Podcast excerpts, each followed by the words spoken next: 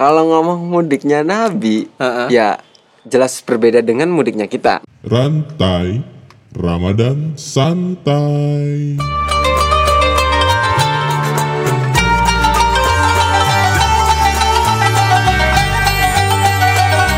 Ya, assalamualaikum warahmatullahi wabarakatuh. Waalaikumsalam warahmatullahi wabarakatuh. Balik lagi di channel Kaji Santai dengan program apa? Rantai. Ramadan. Santai. Ramadan yang sangat santai untuk bulan ini, untuk tahun ini ya. Iya santai Santai banget. banget, karena- Walaupun Ramadan udah mau habis kita tetap santai, Santai terus. terus, nggak usah ngegas-ngegas biasa aja. Jadi teman-teman yang di sana Jakarta tenang-tenang aja, Oke. THR belum keluar? tenang-tenang aja. Enggak santai. sih kalau gua. Oh, enggak ya. Jadi tapi kan THR alhamdulillah alhamdulillah banget udah turun ya. Alhamdulillah. Take home pay. Iya, take home pay kita nih gaji 13. Makasih ya Bapak-bapak yayasan, Bapak-bapak kepala sekolah, Wah, manajemen semua terima kasih. Akhirnya ini sangat adalah sangat membantu kita nih. lu jadi curhat sih? Iya. Karena kebetulan teman kita ini ada yang mau mudik. Namanya mudik butuh dana. Nah, Iya, dananya lebih lagi. lebih loh. Karena tiket bus, tiket kereta tuh ya semuanya pasti naik. Wah, itu makanya mahal-mahal banget tiket Ki ya. Mm-mm. Tapi ngomongin mudik nih, lu mudik nggak? Alhamdulillah besok mudik karena gue udah dapet tiket kereta yang Oh, biasanya 150 sekarang jadi 320. Jadi naiknya sekitar seratusan ya? ya 100% lah. 100% ke atas ya. Oh iya. Kayak gini ya, kemarin gua ngecek nih di apa? Di situs lah ya di Tokopedia di mana. Gue ngecek tiket pesawat Ki. Yes. Biasanya gua kan kalau ke Jambi itu kis- kisaran tuh 800. 800 700 kalau yang beruntung mah 600 dapat lah. Itu maskapai apa? Maskapai yang bisa terbang aja lah cukup. yang delay-delay dikit mah oke lah. Yang Oke. penting nyampe gitu dengan selamat. Nah, gue cek kan, set harganya naiknya bisa 300 persen ya, tiga kali lipat, Tiga kali lipat. tiga kali lipat dari harga Berarti asli. kalau 800 bisa sampai 2 juta 100. Bisa sampai 2 juta. Jadi yang gue Oke. cek tuh kemarin 1,8 sampai 2 jutaan. Gile gile. Garuda dua setengah. Tapi tetap aja itu duit yang kita apa keluarkan buat beli tiket buat THR-nya. Buat THR belum. Enggak, maksudnya buat THR-nya ini pegawai di maskapai Oh itu. iya, ini bagi-bagi rezeki buat mereka. Balik juga. lagi. Tapi kenapa ya bisa tiket mahal gitu? Aduh, gua nggak tahu itu. Ini pemerintah ya.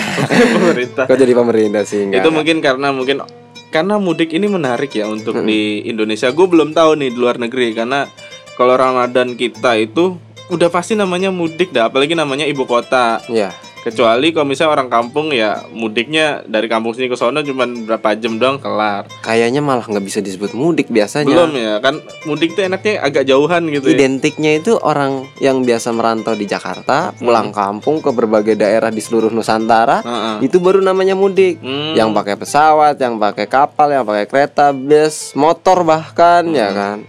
Mudik tuh bahasa apa ya? Mudik bahasa Indonesia, Artinya pulang. pulang. iya, gitu ya? pulang. Gue kira ada bahasa Jawa mau apa gitu Iya. kan, munya apa, diknya apa, nggak ada ya? Nggak ada sih Oh, kayaknya. belum ketemu kali gue Belum ya. ketemu. Gua Ya, gitu. Karena ini kata yang sangat unik kan. Kenapa Iya. nggak istilahnya? Kan kalau misalnya mudik hanya khusus untuk Ramadan Iya. mau Lebaran itu Iya. mudik. Kalau yang biasa-biasa bukan untuk Lebaran namanya balik kampung kan? Iya gitu aja. Heeh. Lu mau ke mana? Balik, Balik kampung. balik kampung gitu Nah, doang. pulang kan. kampung. Tapi kalau udah Ramadan pasti ngomongnya Mudik. mudik. Dan itu kalau udah musim mudik semuanya wah serba serba repot. Iya karena Sampai bikin jalan, benerin jalan, polisinya juga udah siap-siap di jalan raya buat ngatur lalu lintas. Iya. Waduh, pokoknya udah semuanya pokoknya orang-orang Indonesia kalau nyiapin mudik tuh ya kayak nyiapin apa gitu ya. iya kayak hajatan bersama gitu ya. Iya. Jadi jadi kayak gini istilahnya balik pulang dari ibu kota itu harus terlihat keren gitu kan. Iya iya iya iya iya iya. iya. Kadang sampai yang ekstrim-ekstrim kayak sampai yang nyewa mobil, Nyewa mobil bener. gaya-gayaan doang. Betul, terus sampai istilahnya nyiapin uang banyak, eh pas balik lagi ibu kota miskin. Ada ya seperti itu. Ada yang seperti itu. Mungkin kalau menurut gua ya lebaran ya emang penuh berkah ya kita sa- saling berbagi ya baik cuman Iya. Eh, kita harus memperhitungkan itu semua kan gitu ya. Iya. Hmm, jangan jangan ujung-ujungnya ha- hanya jadi ria gitu kan. Iya benar. Iya, sombong. ya itu sih mungkin ya sebagian sebagian juga ada juga memang yang pulang sampai nyewa mobil memang butuh. Butuh ada. Cuman kadang-kadang uniknya gini cuy. Mm-mm. Ada orang sekeluarga balik Iya. sampai nyewa mobil sampai kampung ntar eh, ngasih baju koko, Iya. sarung, peci ke orang tuanya, ke saudaranya, terus amplop amplop ke ponakan-ponakan, sepupu-sepupu ya kan yang masih kecil-kecil. Nah, udah tuh baju koko berapa sih harganya? Seratus ribuan lah. 100 sampai Iya. 200-an lah yang lumayan terjangkau ya. Mm-mm. Kalau yang mahal-mahal mungkin bisa sampai 500 ada Iya, kali. 500. Nah, tapi giliran balik lagi ke Jakarta Iya. atau ke kota-kota besar, Heeh. dia membawa semuanya yang ada di kampung. Balik modal. Balik modal. Contoh kayak gua nih, gua orang Pemalang nih Iya. ya, orang Pemalang. Saudara-saudara gua yang pada pulang kampung ke Pemalang paling kayak gitu ngasih sarung, Iya. baju koko buat keluarga di sana. Baliknya lagi nanas dibawa, Iya. beras dibawa, singkong dibawa, sapu, di bawah. sapu bawa 50 ikat dibawa. Iya Jadi kan? istilahnya- jajanan-jajanan dibawa itu kayaknya sejuta mah ada kali itu Ada lebih. kalau dihitung-hitung mah Iya. ya. Jadi istilahnya lu balik kampung bawa oleh-oleh. Iya. Balik kota bawa oleh-oleh lagi. Bawa oleh-olehnya lebih kalau Oh, kata iya. gua malah. Tapi berarti mudik itu sangat penuh berkah ya. Jadi Berkah. lu jangan hitung-hitungan Ki ya. Iya iya iya. Asalkan tidak ada rasa sombong, Nah, rasa gitu. aduh dari kota gua harus jadi orang kaya nih Nah, gitu kan. Biasa aja gitu. Itu ya. itu memang apa ya sorry itu saya itu terlihat banget terutama kalangan anak-anak muda. Iya. Ya maaf maaf aja banyak orang kampung datang ke Jakarta Heeh. ya kerjaannya ada yang tukang bangunan, Heeh. ada yang pembantu rumah tangga, Iya. apa. Kalau pulang pakaiannya udah kayak pakaian artis. Oh iya, itu kan Iya. dari kota. Iya biar terlihat kan? keren gitu kan, Heeh. pakai lepis, sepatunya sepatu yang Keren dah. itu. Padahal Keren tanah abang ya. Padahal tanah abang. Bukan distro ya. Cuman kelihatannya udah necis gitu ya. Ya, kelihatannya supaya necis, supaya keren. Oh, ini dari kota gitu Iya lah. dari kota. Heeh. Jadi intinya lu harus tetap rendah hati. Rendah hati. Bukan Pulang rendah mah- diri. Rendah jangan dong. Bukan apalagi rendah. Rendahan. Pal.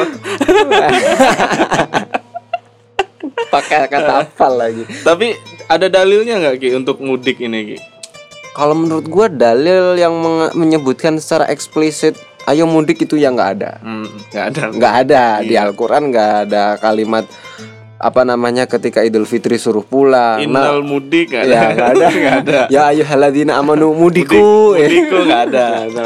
Tapi Terus tetapnya hadis juga nggak ada. ada. Cuman kita lihat dari sisi esensi mudiknya itu. Esensinya. Isinya mudik itu. Isinya. Mudik itu kan tujuannya pulang kampung silaturahim. Nah, silaturahmi. Ya, gitu. Silaturahmi ke keluarga, silaturahim ke kerabat masa kecil misalnya. Nah, melepas rasa kangen ya. Melepas rasa kangen. Nah. Terus silaturahim ke apa ya? Ya, semuanya yang ada di kampung lah Nah. gitu. Nah, itu silaturahim kan merupakan salah satu hal yang bagus. Hal yang bagus, iya benar. Kan namanya silaturahim juga manfaatnya banyak banget. Iya. Nah, kalau ngomong dalil mungkin salah satu yang membuat mudik itu adalah menjadi hal yang baik Iya. adalah karena sisi silaturahimnya. Oh, silaturahimnya. Salaman. Salaman, saling meminta maaf. Ah, ah, sa- salaman ada amplopnya. Itu kayaknya baik ya. Baik banget. Tapi kalau amplop doang mah percuma. Iya, sama isinya. Sama isinya. Kertas. Aduh, ya isinya yang banyak juga dong. Soekarno Hatta lah Iya, minimal. minimal Soekarno mahal juga ya. Imam Bonjol oke lah. Imam Bonjol oke. Patimura jangan. ya, Patimura jangan. Tega lu ngasih Patimura. ya itu buat apaan permen doang. Nah, itu sih kalau masalah dalil paling karena dari sisi silaturahimnya. Udah lama nggak ketemu, melepas kangen sama teman-teman. Bisa jadi di sono nanti kan reuni, Reuni. iya kan? SMA bukber lagi. Ya, kan udah nggak Ramadan. Oh iya. Masa bukber lagi nih? Ini makan ketupat bareng. Ah, iya Nah. gitulah. Terus kalau dulu Nabi pernah mudik gak? Jadi istilahnya mungkin selama Nabi hidup itu mungkin hidup di Madinah ya. Iya, nah, pernah hidup di Madinah. Terus mudik nih Lebaran ke Mekah pernah nggak? Nah, keren ya pertanyaan lu Eh, keren juga. Pernah nggak balik ke Mekah? Itu kan hitungannya mudik Ki, Iya, dari iya. Madinah ke Mekah. Ya. Cuman kalau kata orang kan namanya hijrah ya. Kalau hijrah Ah, ada iya. ada ada tujuan untuk apa syiar gitu Iya. kan. Nah, ini bener-bener tujuan Nabi balik dari Madinah ke Mekah pengen silaturahmi sama sahabat-sahabat yang ada di Mekah. Ada nggak gitu? Nah, kalau ngomong mudiknya Nabi, Heeh. ya jelas berbeda dengan mudiknya kita. Beda karena Beda. beda, beda tanah ya kan. Beda. Yang satu tanah Arab nih tanah Jawa. Dari beda. sisi geografis beda. Beda. Dari sisi esensi juga agak sedikit berbeda, gue bilang. Oh, dikit beda, agak beda ya. Iya, karena gini. Tapi ada berarti. ya Kalau Eh, balik ke Mekah mah ada ya. ada balik ke Mekah, tapi nggak tahu itu mau disebut mudik atau enggak. Heeh. Kalau pengertian mudiknya kita kan kita ke tanah perantauan, bekerja, nyari uang, pulang-pulang eh, buat ngasih uang keluarga Iya. gitu kan, buat nyenengin dan Heeh. buat silaturahim keluarga yang ada di kampung. Heeh. Kalau Nabi kan waktu itu hijrah, hijrah itu kan dari Mekah ke Madinah Iya. karena Nabi satu untuk dakwah di Madinah dan menghindari eh, ancaman-ancaman kaum kafir yang ada di Mekah waktu itu. Heeh. Nah, setelah ada di Madinah, kemudian Nabi kan kalau nggak salah pada tahun 8 Hijriah, Iya. beliau itu pulang dari Madinah ke Mekah untuk melaksanakan peristiwa yang namanya Fathu Mekah. Pem- pembukaan kota Mekah ya. Ya, atau eh, kalau Fathu memang artinya pembukaan. Gue taunya artinya Fatu. Iya betul. Tapi tapi maksudnya adalah eh, waktu itu penaklukan kota Mekah. Oh, penaklukan kota Mekah. Iya. Kemenangan. di sana. kemenangan di sana, Ah, ah, Fathu kan? Iya. Nah, itu kemenangan di di kota Mekah. Karena pada saat itu ketika Nabi masih di Mad- Madinah, Mhm. Mekah masih dikuasai oleh kaum kafir, Iya. ya kan? Nah, ini Nabi pulang ke Mekah dalam rangka menaklukkan yang tadinya kota Mekah itu kota isinya orang kafir, Fir. biar semuanya jadi Islam. Mm-mm. Nah, Nabi pulang ke Mekah itu karena memang ya mau Fathu Mekah, Hmm. kangen juga kampung halaman. Terus di sana beliau ketemu sama sanak saudara, Iya, silaturahmi tetangga, juga. silaturahmi juga. Ah, Bahkan Nabi ini loh ya, ini konteksnya kalau kita kan ke sana silaturahmi dengan orang yang memang kita kenal dan kita baik-baik aja. Iya. Kalau Nabi pulang ke Mekah malah itu pulang ketemu musuh, cuy. Silaturahmi sama musuh. Silaturahmi sama musuh dan saling Nyalinya memaafkan. gede juga ya. Nyalinya gede, itu lebih keren. Jadi di sana malah musuh-musuhnya Nabi sama Nabi malah akhirnya dirangkul. Dirangkul. Dirangkul itu. Jadi silaturahminya sama musuh Nabi itu. Tapi waktunya waktu itu bukan dekat bulan Ramadan apa? Bulan Ramadan. Bulan Ramadan. Bulan Ramadan. Jadi lebarannya di sono ya kemungkinan. Itu tang kalau nggak salah ya, itu tanggal 10 Ramadan 10 Ramadan. pulangnya. Kalau kita kan kalau mudik ini udah akhir-akhir ya. Seminggu lah. Hamin seminggu lah paling Hamin nggak. 10 minimal. Nah, ah, kalau ini 10 Ramadan beliau pulang ke Mekah untuk melaksanakan peristiwa yang namanya peristiwa Fathu Mekah dan Ah. itu tanggal 10 Ramadan. Sampai Sawal nggak? Nah, itu Nabi itu kan pulang 10 Ramadan karena Ah. perjalanan waktu itu kan dari Mad- Madinah ke Iya. Mekah Wah, text time banget Nggak, kan. nggak pakai pesawat zaman sekarang. Belum. belum. Belum ada Mobil Emirates. juga belum ada. Fly Emirates belum ada. ya kan di Arab kan biasanya Ah. Fly Emirates gitu ya. Hino belum ada ya. Mercy belum ada. Belum ada. Itu eh, diceritakan kalau nggak salah sekitar 19 hari perjalanannya. 19 hari. Oh, berarti lebaran nyampe. Pas banget lebaran tuh. Nah, tanggal 10 pulang. Heeh. Tanggal 19 di dalam eh, Eh, selama 19 19 hari. di perjalanan. Heeh. Berarti sampai sana sekitar tanggal Malam takbiran Ki. malam takbiran. Berarti ngepas ya. Ngepas Nabi Heeh. pulang Heeh. gitu, kurang lebih gitulah. Nah, nah setelah itu Fathu Mekah, Nabi memaafkan semua orang yang ada di Mekah walaupun dulu pernah memusuhi Nabi, pernah Iya. pengen bunuh Nabi, mencaci Nabi dan sebagainya, semuanya udah dirangkul. Iya. Oke lah, kita hidup bersama-sama bareng. Tapi setelah itu kan Nabi kemudian balik lagi ke Madinah lagi. Iyalah kan udah kelar ya balik udah lagi. kelar, Mekah udah selesai. Udah selesai. Beliau balik lagi ke Madinah. Berarti lebaran di sono. Lebaran di Mekah. Lebaran di Mekah. Tapi waktu itu nggak ada istilah mudik. Heeh. Nah, cuman Nabi pernah melaksanakan yang serupa dengan mudik gitu Nah, ya. makanya agak sedikit mirip. mirip gitu. dan dan tujuannya juga silaturahmi sebenarnya. silaturahmi. Menurutku silaturahmi itu kan, Iya. kan tapi silaturahminya ke sahabat juga, ke musuh juga. ke musuh juga. Lu coba pulang kampung. Pulang kampung ada musuh sono salaman maaf-maafan gitu kali ya maksudnya. canggung pasti kalau lu ya kan. Jadi istilahnya Nabi langsung membuka tangan untuk bersalaman dengan musuh-musuhnya, bersilaturahmi. betul. Itu mungkin Ki, bener Ki. Lebaran harus salaman, maaf-maafan. Nah, iya benar memang. Karena kita nggak tahu, mungkin kita balik orang nganggap kita musuh atau temen kan. Nah, Heeh, kan itu. kan supaya nggak dibilang sombong juga Iya. itu ke Jakarta lama banget kagak pulang udah lupa sama kampung ya kan. Hmm. Nah, ini enggak, kita masih mau nyambung silaturahmi. Oh, berarti dari kisah Nabi tadi kita bisa tarik kalau kita itu maaf-maafan itu ke semuanya lah sekampung. Kesemuanya. Kalau yang kita kenal mau nggak kita kenal kadang di masjid juga nggak kenal kan salaman aja. Salaman aja. Karena kita nggak tahu tiba-tiba nih orang nganggap kita musuh tahu-tahu. Nah, kalau gue biasanya ketika nyampe sana itu silaturahmi. Habis sholat id, terus silaturahmi itu bisa keliling satu kampung eh, dari pagi taruhlah jam eh, selesai sholat id sekitar jam 7 jam 8an gitu ya. Itu sampai zuhur gua keliling. Hmm. Zuhur baru balik sampai rumah. Oh gitu. Ya itu keliling semuanya mau yang kenal nggak kenal mau yang kakek-kakek yang kenal gua apa nggak kenal gua ya itu semuanya silaturahim lah.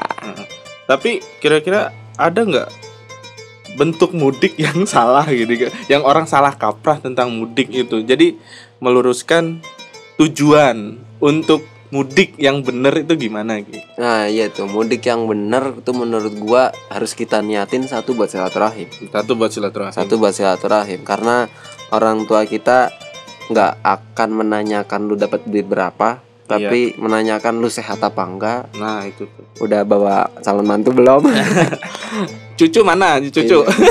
Gitu paling calon mana calon? Iya jadi itu yang penting satu silaturahim Mm-mm. Kalau ada orang yang mudik niatnya bukan silaturahim dengan sanak saudara dan sebagainya Menurut gua itu mudik yang salah Mudik yang salah. Iyalah Untuk misalnya untuk sombong, untuk sombong. memperlihatkan kekayaan karena dari kota ini kan. Iya, kan gue dari kota eh, nih. bawa pakai jas segala macam padahal di sono anget. so, pakai jas gitu kan. Iya. Baik meja rapi ya biasa aja. Biasa aja. Kita pergi dan sampai ke kampung lagi dengan tetap orang yang sama gitu. Iya. ya. Jangan- Kadang-kadang gue sering melihat di kampung gue sendiri banyak orang yang mudik ketika pulang kampung kebiasaan buruk yang ada di kota malah akhirnya dibawa ke Nah, kampung. itu. Jadi sebenarnya kita jangan ikut berubah gitu. Kita Iya. tetap menjadi diri kita sendiri gitu. Iya. Jangan sok-sokan gaya kota dibawa ke kampung gitu kan. Kan itu udah diceritain sendiri sama Jamrut Mm. Surti Tejo tuh kan. Iya. Tejo abis ke kota Ah, ah. pulang-pulang gayanya kan beda Iya, udah. gayanya beda. Surti jadinya kaget, melihat Kaget. Nih, jadi Tejo. kayak udah beda orang gitu. kayak kan. udah beda orang. Jadi usahakan lu pulang memang benar-benar tulus untuk silaturahmi ya. Mm-mm. Tidak ada unsur-unsur yang lain yang paling lu melepas kangen segala macam melepas oh kampung gua udah gimana ya bentuknya ya Nah, gitu gitu. gitu paling udah ada perkembangan apa. Ah, ah. Malah kalau bisa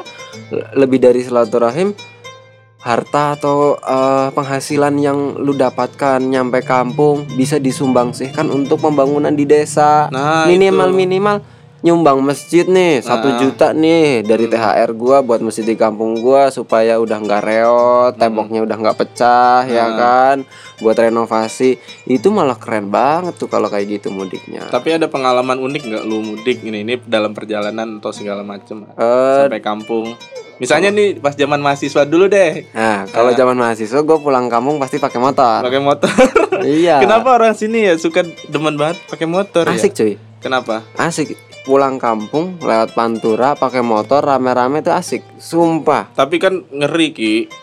Ya ngeri sih ya. Namanya motor ya nggak ada nggak ada penjaganya apa pelindungnya nggak kayak mobil kan langsung Ah, iya, kena iya. badan kalau Iya. kalau jatuh langsung badan yang Iya, ya makanya itu ya kalau orang mudik juga eh, ini juga harus jaga-jaga kesehatan juga memang. harus fit ya Harus fit. mau itu kendaraan mau Itu- itu orangnya Nah, maupun kendaraan ataupun orangnya harus bang benar-benar fit. Makanya temen gua yang pada kerja di bengkel Heeh. Justru di eh, dua minggu terakhir sebelum Lebaran itu kerja di bengkel itu sampai habis-habisan deh. habis-habisan. makanya nih bengkel kayaknya penuh mulu emang kayaknya penuh, Heeh. penuh. karena siap-siap buat mudik itu Ganti ban. iya di tune in pokoknya Wah, paling pokoknya paling top lah itu buat pulang kampung. Nah biasanya orang kalau pulang kampung pakai motor itu istirahatnya jarang karena semangat pulang oh jadi lebih semangat ya lebih semangat. Tapi Iya. giliran buat berangkatnya dari kampung ke sini di Mager. jalan istirahat mulu, mager ya mager. Oh iya iya karena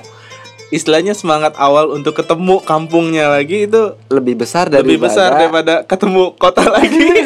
Karena ketemu kota itu nanti dia akan kerja. Kerja lagi. Kalau ketemu kampung kan dia liburan. Nah itu. Tapi ada pengalaman ban kempes apa segala macam kalau gue alhamdulillah untuk kendaraan alhamdulillah fit terus karena di treatment bener-bener sama temen gue yang Hmm. Iya, iya. mekanik itu kan jadi lu kalau mau pulang juga harus safety ya? Safety. Heeh, Tapi pengalaman uniknya adalah gue pernah pulang kampung ketemu hujan dua kali, panas dua kali, gue nggak pakai jas hujan dan itu sampai rumah jaket kering, kering di badan kering serius. Jadi pulang dari Jakarta set di Cikampek hujan, Set, Cikampek hujan sampai Subang panas, Mm-mm. Subang panas, Indramayu hujan, separuh Indramayu lah. iya Abis itu ketemu Indra Indramayu akhir menuju Cirebon panas.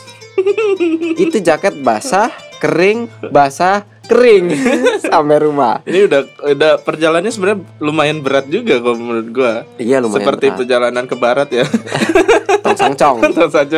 Itu yang gua kasihan kadang-kadang yang pulang kampung pakai motor sekeluarga anak dua. nah itu yang yang bonceng anak kecil itu Kalau menurut gue itu kurang tepat. Kasihan anaknya kadang-kadang Iya. anak masih kecil terus motornya sampai disambung pakai kayu di belakangnya tas-tas Iya. gede-gede itu bahaya banget mendingan pakai kereta lah. Uh, uh, tetap mementingkan keselamatan Keselamatan. Kalau mungkin kita berangkatnya cuman berdua ya anak muda ya enjoy aja. enjoy aja gitu. Itu kalau udah berkeluarga mah jangan karena tujuannya mudik itu kan pengen ketemu keluarga kan. Mm-mm. daripada kayak gitu resiko di jalan takutnya. Ya naudzubillah min dalik. Iya. kenapa apa kecelakaan malah jadi nggak ketemu. Malah nggak jadi lebaran. malah nggak jadi lebaran.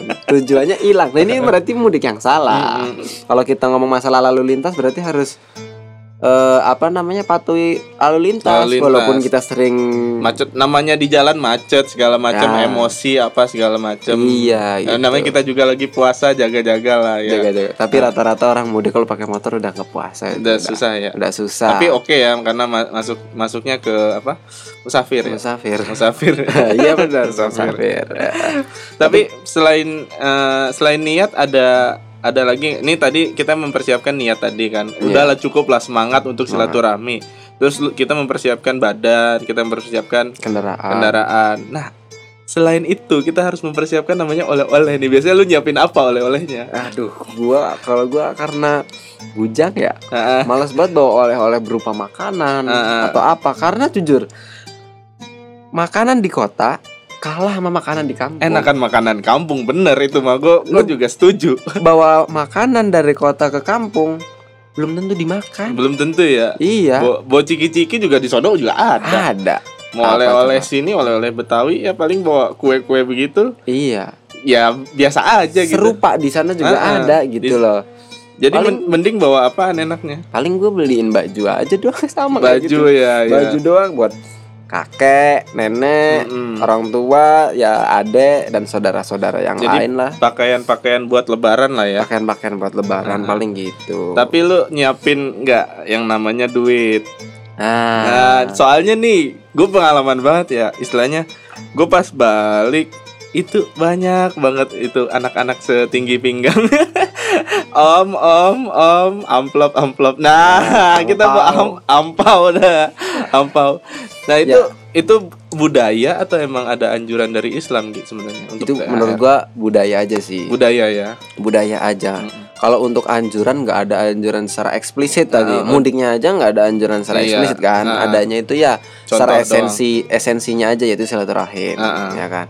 Nah, kalau bagi-bagi THR ya bentuk dari ini aja kita ya tadi karena orang habis dari kota dapat rezeki pulang kampung ya bagi-bagi rezeki aja. Oh, bagi-bagi rezeki. Nah, ah. Jadi, tapi yang dibagi rezeki kan pert- pertama tadi kita bawa oleh-oleh tuh pakaian, mau itu makanan, pakaian segala macam udah kita kasih ke keluar, Saudara. saudara, keluarga, Biasanya kalau yang bagi-bagi duit itu ke anak-anak kecil. anak-anak kecil ya sama. Ya sepuluh ribu dua puluh ribu mah zaman sekarang cukup. Kalau zaman dulu kan goceng aja udah seneng banget tuh. Iya, zaman gua dulu goceng kan. Iya. Beli langsung beli baju gua tuh. go- goceng. Hah? Goceng. Singlet. Masa beli singlet? goceng dikumpul-kumpulin ya. Ya, gitu goceng dikumpul-kumpulin kan lumayan tuh. Kadang gua kalau megang istilahnya sampai 10 amplop segala macem kan gitu kan. dari om ini, om dari om, ini, itu. om ini ya. tagih kan yang kayak dikit dua lah om gitu. Gak merugi nih lebaran setahun sekali nih. Iya iya iya iya iya. iya. Ya tapi itu. Cuman Gue kadang-kadang kurang kurang sereknya itu sama anak-anak muda yang pulang ke kampung bawa kebiasaan buruk Nah, iya di itu ya. kampung. Iya. Di sini kebiasaan buruknya eh, misalnya apa ya? Nongkrong jelas. nongkrong Di terus sana sama.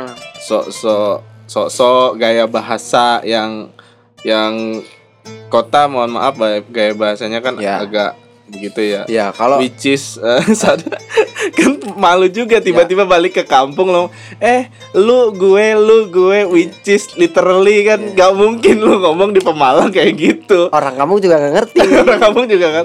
Tapi kan biar kelihatan keren aja Ki. Wah, ini bis jago bahasa Inggris nih. Kakek gua nggak ngerti itu which is ya which kan. is literally. Kadang-kadang di sini kebiasaan pada begadang, nongkrong-nongkrong sampai malam, gitaran, main musik. Jam 10 jam 11 kan di sini oke. ya, Kalau di kamu kan nggak oke. Iya kan ada istilahnya namanya kampung budaya sana yang yang udah ada adat istiadat segala Iya. macam hukum tidak tertulisnya lah gitu kan. Iya, itu yang perlu diperhatikan. Kadang-kadang suka melewati itu, melewati batas itu. Jadi orang-orang yang udah bia yang tinggal di kampung ngelihat anak-anak muda yang pada pulang kampung jadi ih, kok jadi begitu sih? Gitu. Iya iya iya. Mungkin cocok dengan pepatah di mana bumi dipijak di situ langit dijunjung. Asik. Iya dong. Nah, jadi ketika lu di kota ya lu bisa beradaptasi gitu lah ya. Iya. Di kota lu lingkungannya kayak gitu ya lu ikutin kan di kampung yang kayak gitu jangan lu bawa jangan lu coba campur-campur karena nanti takutnya pandangan masyarakat jadi beda. Iya, ya intinya eh, adaptasi aja lah Heeh. gitu. Tapi sekarang pandangan orang kampung melihat orang mudik dari Jakarta gimana Ki menurut lu Ki? Ya kalau di kampung gua itu udah mendekati lebaran yang namanya orang-orang di sana misalnya istri-istri atau anak-anaknya itu biasanya tiap sore atau tiap pagi itu pada standby di jalan Ngapain? nungguin bapaknya atau kakaknya atau omnya atau siapanya itu pulang kampung. Mereka excited excited juga ya. nungguin saudaranya atau orang tuanya yang habis mu yang mudik gitu. Heeh. Itu excited banget. semangat lah ya. Semangat lah ya Ah. karena nungguin duitnya. Nungguin oleh-olehnya tadi. iya gitu. Jadi kalau pandangan masyarakat itu ya masih excited Masih banget. excited. Tapi ada pandangan negatif nggak? Nah, itu pandangan negatifnya yang kalau ngelihat kondisi-kondisi kayak gitu tadi, Kondisi kayak yang gitu tadi. jelek-jelek tadi. Kadang takutnya ke bawah-bawah sampai ke kampung gitu ya. Nah, itu Heeh. dia. Jadi by the way lu udah nyiapin THR nih berarti ya? Alhamdulillah udah nyiapin, udah 60 juta ada. gua jual ginjal kalau kayak gitu caranya. Jual ginjal buat lebaran kan lu. gua lebaran dua kali mati. Tapi minimal rezeki yang kita sisihkan untuk THR ini ya cukup lah ya. Insya Allah cukup lah. Tidak harus yang berlebih-lebihan juga, yang secukupnya aja. Iya. Minimal ada-ada sepupu seneng lah. Ah, ah, yang penting menyenangkan orang-orang kampung di sana. Kita juga nyantai di kampung kita. Jadi kangen kita udah apa? Teratasi, Iya, sudah terobati. terobati gitu kan. Jadi lu pulang kampung dengan niat yang tulus silaturahmi. Dan gue pengen ngingetin buat temen-temen yang mudik nih tolong dijaga safety-nya. Karena kita nggak tahu banyak ada kecelakaan di jalan. Jangan sampai lu niat pengen lebaran di kampung malah nggak jadi lebaran. Lebaran di rumah sakit Iya, masih mending kalau rumah sakit. Ah, ah, Kalau lebarannya di di, kuburan aduh, nauzubillah. Nauzubillah min zalik. Jadi gue pengen ngucapin lu hati-hati di jalan, semoga nyampe tujuan dengan selamat. Amin, amin, Nah, amin, amin. Datang dari Jak- Jak- Jakarta ke kampung badan utuh, pulang ke kampung lagi badan utuh gitu aja. Oke. Oke, cukup sekian untuk kaji santai kali ini.